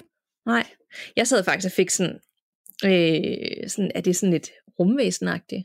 Og det er ikke, øh, fordi jeg har aldrig været sådan en, der har været interesseret i alt sådan noget alien noget, eller nødvendigvis troet på det, men sådan med, med årene, så tænker jeg, hvorfor skulle der ikke være liv på andre planeter, når der er liv her, og hvorfor skulle de ikke være længere fremme og kunne ligesom give sig til kende på en eller anden måde, eller også undersøge jorden. Og så, så, så nogle gange, alle de der lys, er det, er det sådan lidt alienagtigt? Er det et eller andet energier fra et andet sted? Det behøver ikke nødvendigvis være noget overnaturligt. Kan det være noget helt andet? Ja, Så øh, jeg ved godt, der er mange, der har sådan noget med, med andre planeter og sådan noget. De synes, de simpelthen er for skørt. Men nu vi snakker om alt, øh, alt det her, så sådan et, jeg, jeg er egentlig åben for det meste efterhånden. Ja, men det er jeg også. Også fordi der bare kommer flere og flere rapporter også fra, øh, fra NASA og øh, CIA, der udgiver øh, en, en, en hel... Det så jeg lige hurtigt i går på Vices Instagram. CIA åbenbart har offentliggjort en 25 sider lang rapport omkring øh, astral projection og tidsrejser og sådan noget. Den Ej. skal jeg så meget ind og læse. Ej, hvor spændende. Ja, helt vildt. Men det er sjovt, jeg faldt faktisk også en anden dag over øh, en eller anden udsendelse med en dreng, som var øh, boede i Rusland. Øh, jeg ved ikke, hvor gammel han var nu, men på det tidspunkt har han måske været sådan 8-9 år. Så øh, siden han var lille, så øh, har han ligesom berettet om, ligesom man har de her tidligere liv, men hans tidligere liv, det har været på Mars. Og han kunne berette om alle mulige ting. Øh, at det havde engang været et samfund og fungerede helt fint, og det havde en landsby, men så var der sket en katastrofe, der havde gjort, at, øh, at det så ud, som det gjorde nu. Men der havde, de havde altså boet der på et tidspunkt, og han kunne fortælle alt muligt om, hvad jorden var lavet af, og hvordan de lavede ting, og alt muligt ting, som man slet ikke skulle kunne vide i den alder. Øh, som kun så nogen, der forsker i noget, kunne, kunne vide noget om. Det kunne han fortælle, helt fra han var helt lille. Gud, hvor er det vildt, altså, og det er sådan, det, det, det minder mig så meget om det, Louise fortalte os i det afsnit med hende, ikke? Ja. Øh, også hvor hun også fortalte, at sådan, så, så typisk folk, der kommer fra Mars faktisk, for eksempel, så ud på en bestemt måde. Jeg kan ikke huske, om det var noget med næserne eller et eller andet, men ja, Var Ej. interessant. Er meget interessant, og han, den dag i dag, altså helt overbevist om det, det, det har aldrig været nogen tvivl. Han, er, han kan huske det hele, og han ved det, og nu er han her. Så øh, det, det var jeg sådan lidt, okay, altså, hvad skal altså jeg kan jo ikke, jeg kan jo ikke bare sige nej. Altså jeg kan jo ikke Nej. bare bestemme mig for, det, ikke, det passer ikke. Jeg er jo ligesom nødt til at være åben for at høre øh, andres øh, beretninger. Men der er i hvert fald rigtig højtstående forskere og folk, der arbejder og sådan noget, der kan bekræfte alt det, han siger. Øh, Vildt. Ja, og nogle ting, det ved de slet ikke, så ting, jeg sådan kan vide. Han ved jo nok mere, end, altså, end folk på jorden gør. Ja. Jeg ved, han har boet der. så øh, meget, altså man, når man tænker i den bane, ikke, så, så bliver man sådan helt til sidst, så kan man slet ikke kapere det, fordi, åh oh, nej, universet, og hvad hvad, og altså, det er simpelthen for stort og for uhåndgribeligt, hvor jeg kan nemmere forholde mig til, at der er noget energi fra en, der har boet på jorden, som stadig ikke er et aftryk af, men det der, så, så, øh, så falder jeg af. Ja, det gør jeg også. Og i det hele taget også, når man tænker på universet, og at det ikke har nogen alder, fordi det er bare sådan for evigt gammel og uendeligt, og ja. er min hjerne eksploderer, når jeg tænker ja. på det. Er du klar til en til? Det kan du tro. Det handler ikke om rumvæsener eller universer. Fedt. Men det handler om tubilakker igen. Ej, hvor godt. Hej gåsehud. I talte om tubilakker i afsnit 71. I gamle dage blev de benyttet som små soldater, hvor de gjorde ens beskidte arbejde. Og hvis man ønskede nogen ondt, så gjorde de det for en. I nyere tid benyttes de som beskyttelse af deres ejer. De holder det onde væk, men det betyder, at dem, der ejer den eller dem, har et ansvar i at sende dem god energi, og kun tænke gode tanker om den. Da det anses som en levende genstand i det, de er lavet af dyreknogler. Jeg boede tidligere i en lejlighed, hvor jeg oplevede meget aktivitet, så jeg anskaffede mig to tubilakker, og jeg oplevede ikke sidenhen dårlig energi. I forhold til de ting, jeg oplevede i min daværende lejlighed, var en tidligere lejer, der døde uden for lejligheden i en tragisk ulykke. Ham følte jeg ofte, så jeg tog kontakt til et medie, som fortalte, at det var den tidligere lejer, der mente, at jeg larmede for meget. Og det viste han så ved en ubehagelig tilstedeværelse som en følelse af, at jeg og min hund skulle væk derfra. En gang var det så slemt, at jeg løb ud af hoveddøren, mens min hund stoppede lige ved dørtrinet og ikke kunne få lov til at gå ud til mig. Så jeg fik sendt den tidligere lejer over på den anden side. En anden oplevelse er på en tidligere arbejdsplads, hvor jeg fik en klæbeånd med hjem. Han viste sig en nat, da min daværende kæreste vågnede ved, at min hund gør i fodenden af sengen. Min daværende kæreste ser en mand i gammelt ternet tøj, der holder min hund nede i sengen. Jeg er meget modtagelig for det spirituelle og er omgivet af mange engle og har altid været det. Og jeg har i mit barndomshjem været omgivet af tilstedeværelser. Et par oplevelser i min farhus er en mand, der går i kælderen, hvor jeg havde værelse og badeværelse. Den mand gik altid forbi badeværelset med retning ind mod mit værelse. Manden var meget tydelig, hvor man kunne se tøj og højde som en rigtig person. Min farfar går bort, og ham var jeg meget tæt knyttet til. Da han går bort, oplever jeg ham altid tæt på mig, og jeg har mærket ham af mig på kinden, hvilket kan lyde uhyggeligt, men det var det slet ikke. Det gav en enorm ro og kærlighed. Han passede på mig, og han holdt den anden mand på afstand. Før min farfar døde, var vores hund altid sammen med mig på værelset, når manden kom. Den knurrede altid af ham. Men da min farfar døde, oplevede jeg en glæde for min hund, når jeg mærkede til stedværelsen. På dagen, hvor han skulle begraves, så jeg min farfar gå ned ad trappen. Han sagde, at det er okay, og du må gerne være ked af det, for det er farmor også, og pas godt på hende. Og det lovede jeg at gøre. Da han var blevet bisat, gik vi en tur på kirkegården, og jeg tog et billede af den smukke sol. Da jeg senere kiggede på billedet, var der en engel i solens skær. Nogle år senere kunne jeg mærke, at min farmor snart skulle gå bort.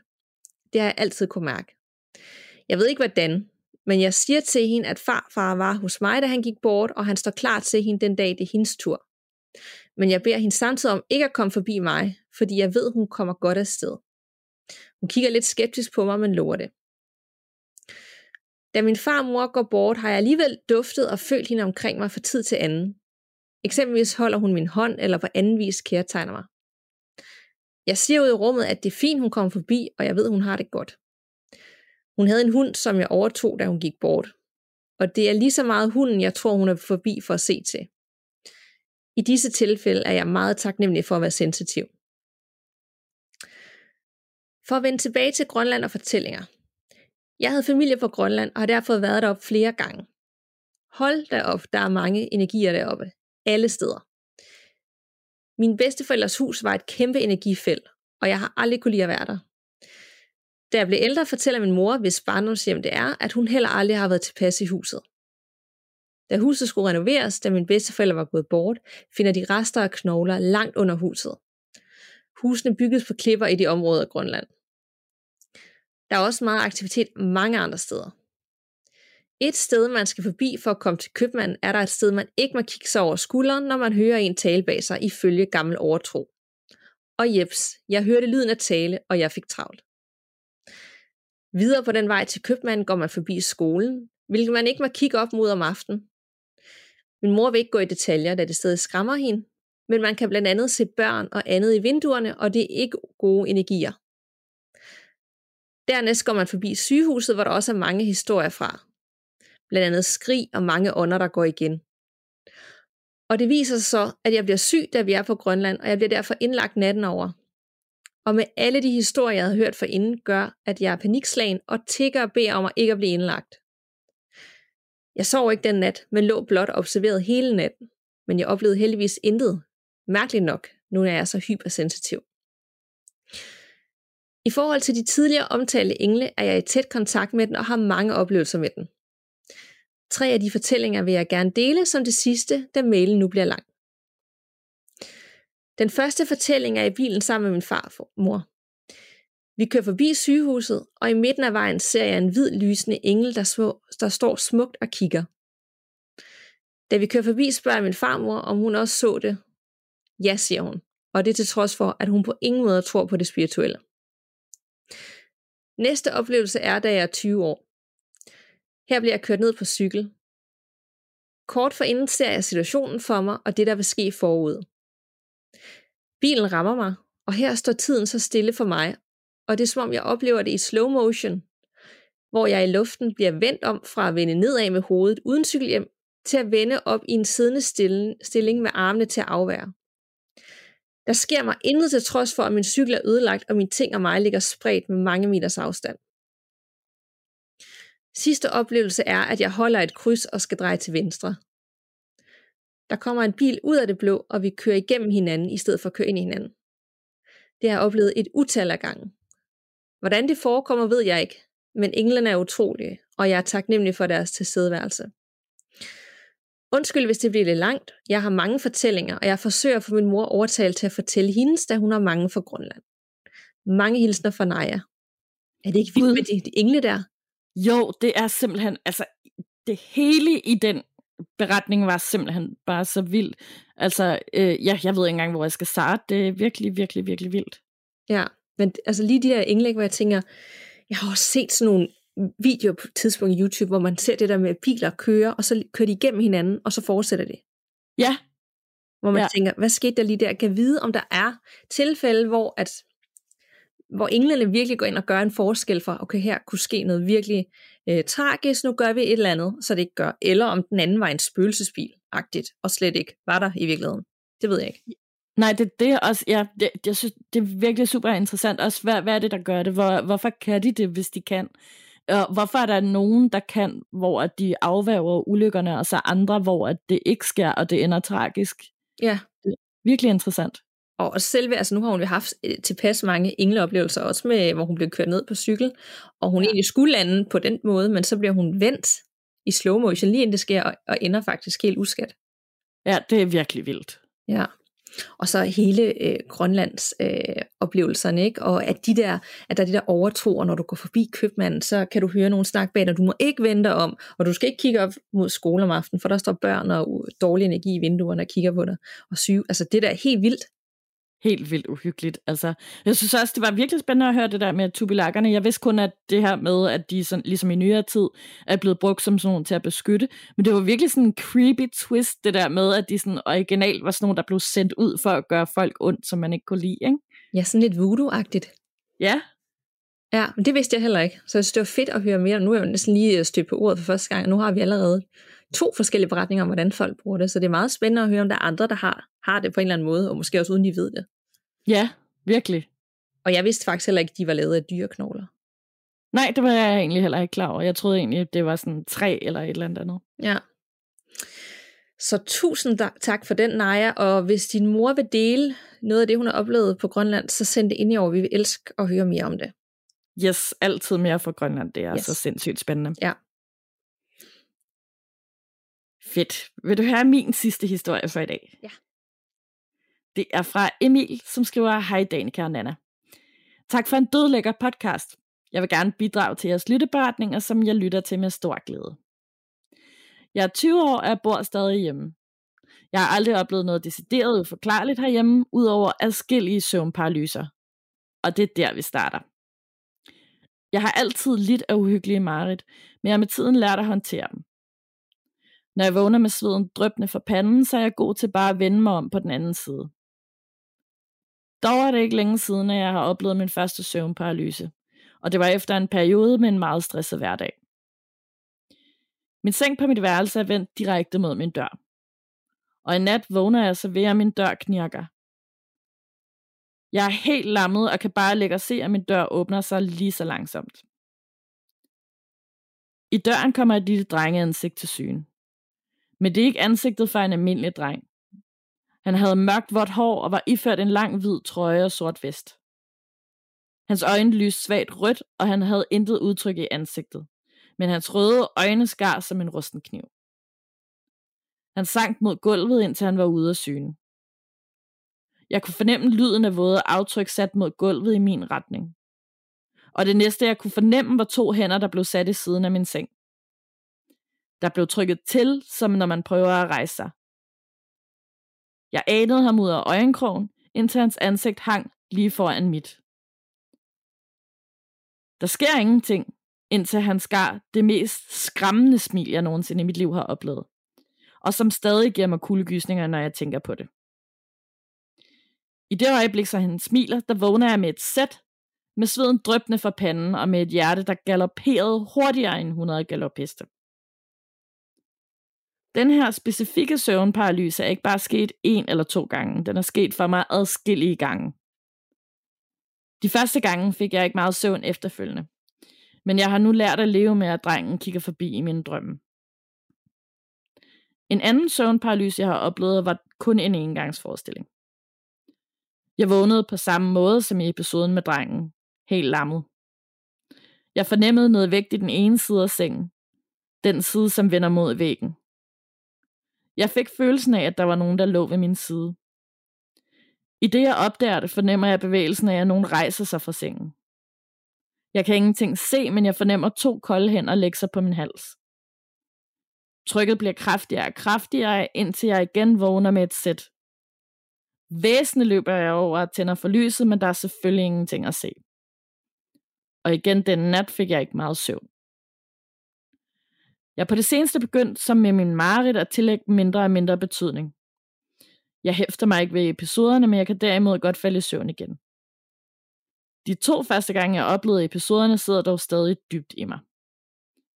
Igen, tak for en god podcast, og jeg håber, I kan bruge mine oplevelser. Hilsen Emil. Ej, hvor var det klamt. Så klamt med den der dreng, og bare det der med, at han kommer helt tæt på, og så bare lige pludselig smiler sådan en skummel smil. Tror du, det er fordi, at man sådan første gang oplever det, bliver lidt skræmt, og så går det igen, fordi man frygter det, eller øh, hvad, hvad, hvad kan det være, at man gennemlever, eller ligesom gennemlever det samme igen og igen? det kan sagtens være det der, øh, at det er sådan en psykologisk ting med, at øh, det er så skræmmende, at så er det det, man bliver ved med at opleve igen. Det kan sagtens være. Ja. Men uanset hvad, så er det virkelig, virkelig klamt, og jeg kan godt forstå, at man vil have sådan en frygt, når man skal sove for, at øh, åh oh, nej, ja. nu sker det måske igen. Ja, det er for rædselsfuldt. Ja, og vi har simpelthen så mange, og vi kender det også selv, der har den her tendens til, at man enten oplever mareridt, eller i mange tilfælde har den her søvnparalyse, om det er en Maren, der sidder oven på en og, og trykker ned, eller man ser en eller anden sort skikkelse i hjørnet, eller ej. Ja. Desværre. Ja, desværre. Ja. Er du klar til en sidste, inden vi slutter af for i dag? Jeg kan se, at vi allerede har optaget rigtig lang tid, men jeg synes, den her skal med, fordi at, øh, den er rigtig uhyggelig på en lidt anden måde, faktisk. Spændende, det kan du tro, ja. Altid. Det er for Anja. Hej igen, og det er fordi, hun tidligere har sendt lytopretning. Jeg lytter til jeres podcast igen forfra, da jeg er på barsel, og noget skal tiden jo gå med. Jeg kom i tanke om noget, da du, Danny, kan fortælle om den sygt klamme oplevelse, du havde med damen, der kravlede ind ad jeres vindue. Den sætning, du starter din fortælling med, gjorde jeg kom i tanke om en oplevelse, jeg havde, da jeg var yngre. For ja, det eneste mere uhyggelige end det overnaturlige, det er uterrenlige mennesker, levende mennesker. Jeg er den mindste af en søskende flok på fire, og jeg har altid boet med alle søskende, begge forældre og en hund. Jeg har meget sjældent været alene hjemme, da jeg boede hjemme. Jeg har måske været 15 år og alene hjemme en tidlig morgen, da jeg mødte sent den dag. Selv hunden var med min mor på arbejde, da den skulle til hundefrisør om formiddagen. Lige lidt baggrundsforklaring om huset, vi boede i. Det er et stort parcelhus med kælder, hvor min større søskende og forældre har værelse. Stueplan, som er løftet halvanden meter fra jorden, indebærer entré, stue, køkken, alrum, toilet og to værelser. Når man står i køkkenet stuen, kan man se ud til havelågen. Vi har have rundt om hele huset, og det er en mørk vintermorgen, for der ligger et tykt lag sne overalt. Sporene fra min familie, der havde forladt huset, var helt dækket i sne. Jeg står i køkkenet og kigger tilfældigt ud på havelågen, hvor der pludselig står en mand med lang sort frakke på, hænderne i lommen og hætte på. Han står der bare og ser ikke rigtig ind. Jeg undrer mig, men slår alligevel lidt hen og laver min morgenmad. Jeg kigger nu ud igen og kan se lågen er åben. Han er væk, og der er fodspor i sneen. Ind ad lågen. Jeg holder vejret en smule for at lytte til, om jeg kan høre ham, og tænker, han vil banke på, hvis han vil noget. Uden at tænke på, om jeg overhovedet har lyst til at åbne, hvis han banker på. Men det eneste, jeg hører, er vinden udenfor, og naturligvis huset, der giver sig. Jeg kigger ud på lågen, som er lukket. Jeg kan ikke gennemskue, om fodsporene også fører ud igen, men eftersom der ikke bankes på, går jeg ud fra det og fortsætter morgenrutinen. Mit værelse ligger med vinduet ud til bagsiden af huset, hvor havelågen er på forsiden, og hoveddøren er på siden af huset. Jeg kommer ind på mit værelse og fortsætter rutinen, da jeg tilfældigt ser ud af vinduet og ned. Der står manden og stiger op på mig. I panik, og stort set uden at se på ham, dukker jeg mig, så han ikke kan se mig. Mit hjerte hammer med 180 i timen, mens 100 ting går igennem mit hoved. Efter lidt tid tager jeg mod til mig og rejser mig for at kigge ud. Han er væk. Men fodsporene i sneen viser spor hen til der, hvor han stod, men ikke væk igen. Jeg får min veninde til at komme og hente mig, så vi kan følges i skole. Og da jeg kommer ud, kigger jeg lige om bag huset og ser det samme fra mit vindue. Fodspor derhen, men ikke væk. Jeg var aldrig helt alene hjemme igen, heller ikke bare om morgenen. Hilsner fra Anja. Hmm. Nu ved jeg godt, hun siger, altså, den beretning, jeg fortalte om til dem, der måske ikke lige kan huske det, eller har lyttet med helt fra starten af, jeg tror, det var i afsnit 2, 3 eller 4. Jeg kan ikke helt præcis huske det. Men der havde vi øh, en kvinde, som øh, vi var ved at renovere børneværelset og male, og alt var tømt ud. Og så vinduet stod øh, åbent, fordi vi havde malet, så ligesom var luft ud. Og så, øh, det var lige nogle dage efter jul, jeg tror det var anden juledag, så, øh, så kunne vi lige, døren var lukket ind til, så der ikke skulle lukke maling i hele lejligheden. Og så sad vi bare og, og spiste frokost, og så lige pludselig gik døren op indenfra børneværelset. Og så stod der bare en dame øh, og kiggede på os sådan helt forskrækket. Øh, og det har ikke været noget øh, sådan ondt, eller hun vil et eller andet. Jeg, vi er helt overbevist om, hun har troet, det var en flyttelejlighed, og hun kunne få læ eller ly og sorter, eller hvad ved jeg. Hun, hun lignede en, der godt kunne have et rigtig hårdt liv med, med noget stoffer og sådan noget. Mm. Men øh, oplevelsen var bare, det er bare øh, enormt grænseoverskridende at, at finde et fremmed menneske i sit hjem, mens man selv er hjemme, og sådan en helt højlys dag, og man får jordens største chok på en helt anden måde. Ja, det vil jeg også. Altså, jeg kan tydeligt huske også, at du fortalte den der historie i et af de første afsnit. Det er virkelig, virkelig skræmmende. Og øh, det var så øh, min mand, der endte med at gå hen og sagde, hvad laver du her? Og så fløj hun jo ud i vinduet igen. Og der skal altså meget til at komme ind i det vindue, fordi vi er også hævet op over jorden. I hvert fald halvanden meter. Så man skal nærmest kravle op på en cykel, kravle videre op ad muren, og så ind ad et vindue. Ikke? Man vil det virkelig gerne. Det er ikke bare lige ja. at gå ind. Øh, men den her beretning, den tænker jeg, den, den, jeg ved godt, han ikke var indenfor, men at man er alene hjemme i et hus. Et hus er for det første mere uhyggeligt end en lejlighed, fordi du er sådan mm. lidt mere isoleret. Og du ser en mand i en sort frakke med sådan en hætte på, bare stå ved havelågen og sådan kigge ind, men alligevel ikke helt kigge på dig, bare sådan kigge tomt ind. Ja. Altså det, og jeg, jeg tænkte ved det samme sådan, okay, jeg tænkte ikke nødvendigvis overnaturligt, men jeg tænkte sådan, det kunne nærmest være sådan helt seriemorderagtigt. Ja, det er sådan lidt stalker, eller bare mm. sådan en indbrudstyv, der, der lurer. Sådan, jeg fik også, du ved, øh, sådan billede i hovedet af der, hvor øh, Michael Myers står og, øh, og kigger på sine ofre udenfor i Halloween-filmen, ikke? Præcis, også fordi han, han hvis nu det var en indbrudstyv, så tænkte jeg, så vil man sådan skjule sig, men det, hvor han bare står sådan, nærmest sådan, bare med hænderne i lommen, og ikke flytter sig, og så går ja. han jo bare ind efter, han nok ved måske, at hun har set det, og så står han og kigger direkte op på en sværelse for det første, så har han jo holdt øje med hende, og hvis nu var hun på værelset, og så nærmest bare kigger på hende. Ja, det er virkelig klamt. Jeg, altså, jeg kunne slet ikke have det, og jeg ved, det er nok ikke overnaturligt, men altså, som hun siger, der er en ting, der er værre, det er levende, uhyggelige mennesker. Det er nemlig rigtigt, ja. Ja. ja. Ej, jeg kan godt forstå, at hun aldrig var alene igen, og når man er 15 år helt alene, altså, jeg, ej, jeg ved ikke, hvad jeg skulle have gjort. Det vil sidde i mig for altid. Ja, også mig. Det er så ulækkert. Ja, så det var lige sådan en, en klam en at slutte af på. Jeg håber ikke, jer der lytter med, er lige ud og gå tur, mens I lytter til det her, og går måske i et meget øde område, og lige pludselig går og kigger til højre og venstre, om der er nogen, der bare står og kigger på jer. Det er der højst sandsynligt ikke, men jeg kan godt kende følelsen selv, når jeg hører noget uhyggeligt, så bliver man pludselig meget bevidst om andre mennesker, der går rundt. Ja, helt sikkert. så undskyld øh, på forhånd. Nå, øh, Nana, vi kom igennem syv beretninger, syv meget forskellige, uhyggelige, rørende, virkelig, virkelig gode beretninger. Ja, det er helt klart et af de her afsnit, jeg skal tilbage og lytte til. Altså især den der historie fra, øh, fra Grønland, det, ja. det, det skal jeg lytte til en gang til, det er helt sikkert. Og jeg er bare imponeret over, at vi stadigvæk, altså vi får stadigvæk så mange forskellige beretninger. Det bliver aldrig sådan, og nu har vi hørt alt. Nu er det bare Nej. sådan, de er stadigvæk lige overraskende og hyggelige og rørende, og de sidder bare fast. Altså, man glemmer det. Ja. Nej, det gør man ikke. Så tusind tak, fordi I er med til at sende ind, så vi får lov at læse jeres beretninger op. Det er så fantastisk. Så bliv endelig ved med at sende det til os. Ja.